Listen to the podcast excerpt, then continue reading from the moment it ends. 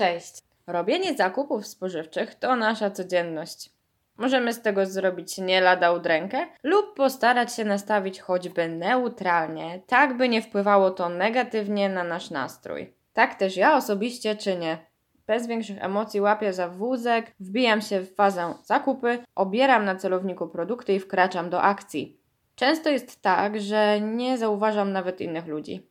Nie na tyle, by nie mówić proszę czy przepraszam, kiedy jest to konieczne, ale na tyle, by móc się skupić i wykonać mój zakupowy obowiązek efektywnie i szybko. Nie wiem, czy wy też tak macie, że osiągacie pewien rodzaj marketowego zen. Tylko wy i wasza lista zakupów i czekające na półkach produkty. Myślę, że jest to pewnego rodzaju reakcja obronna organizmu na zbyt dużą ilość bodźców zewnętrznych, dźwiękowych, wizualnych lub zapachowych. Niestety w marketach nie brakuje także drapieżników. Tak, drapieżników, tych, którzy wasz zakupowy zen mają gdzieś. Mało tego, chcą zburzyć wam ten spokój i wyszarpać skupienie. Czyhają gdzieś schowani pomiędzy marketowymi półkami, obserwując i analizując, kogo by tu dopaść. Oni są sfrustrowani, bo ich dzieci w domu denerwują, bo im pies na klatce zbyt głośno szczeka, bo deszcz pada albo jest za gorąco. No i muszą tą frustrację gdzieś wyładować.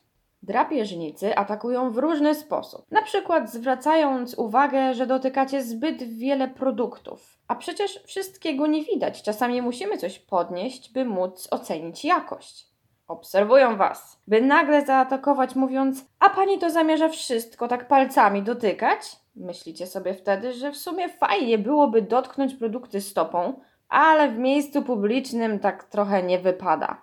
Albo co pani tak stoi? Całego dnia nie mam. Wtedy myślicie sobie, że w sumie wystarczyłoby uprzejme przepraszam, a nie burczenie za plecami. Po prostu nie zauważyliście. Zdarza się. Czasami staracie się bronić i logicznymi argumentami wytłumaczyć drapieżnikowi, że jakość pomidora bardzo łatwo sprawdzić po zapachu. A to, czy awokado nie jest popsute, po bardzo dokładnym obejrzeniu i sprawdzeniu miękkości. Ale do drapieżników nie przemawiają takie argumenty. Oni są sfrustrowani i mają gdzieś, czy to, co robicie, ma sens i czy jest logiczne. Oni chcą się wyżyć, złapać was z zaskoczenia i zrobić scenę. Marketowi drapieżnicy uwielbiają robić sceny. Drama to sens ich zakupów. Czym, że są zakupy, skoro nie można kogoś obrazić, poniżyć czy po prostu zdenerwować? No ale zakupy trzeba robić, zatem kontynuujecie lekko wzburzeni i rozkojarzeni, więc zapominacie o połowie rzeczy na liście, chociaż macie ją w ręku. Idziecie do kasy, bo już Wam się odechciało. Macie nadzieję, że ze spokojem sfinalizujecie transakcję. Wielki brat informuje, że za chwilę otworzą kasę numer 7, a że akurat jesteście w pobliżu kasy numer 7, ochoczo do niej drepczecie. Rozkładacie towar, ale następuje zwrot akcji. Pani ekspedientka wyjaśnia, że ktoś nacisnął zły guzik i otworzą nie kasę numer 7, a kasę numer 4. Przeprasza i zaprasza Was jako pierwszych do tejże kasy.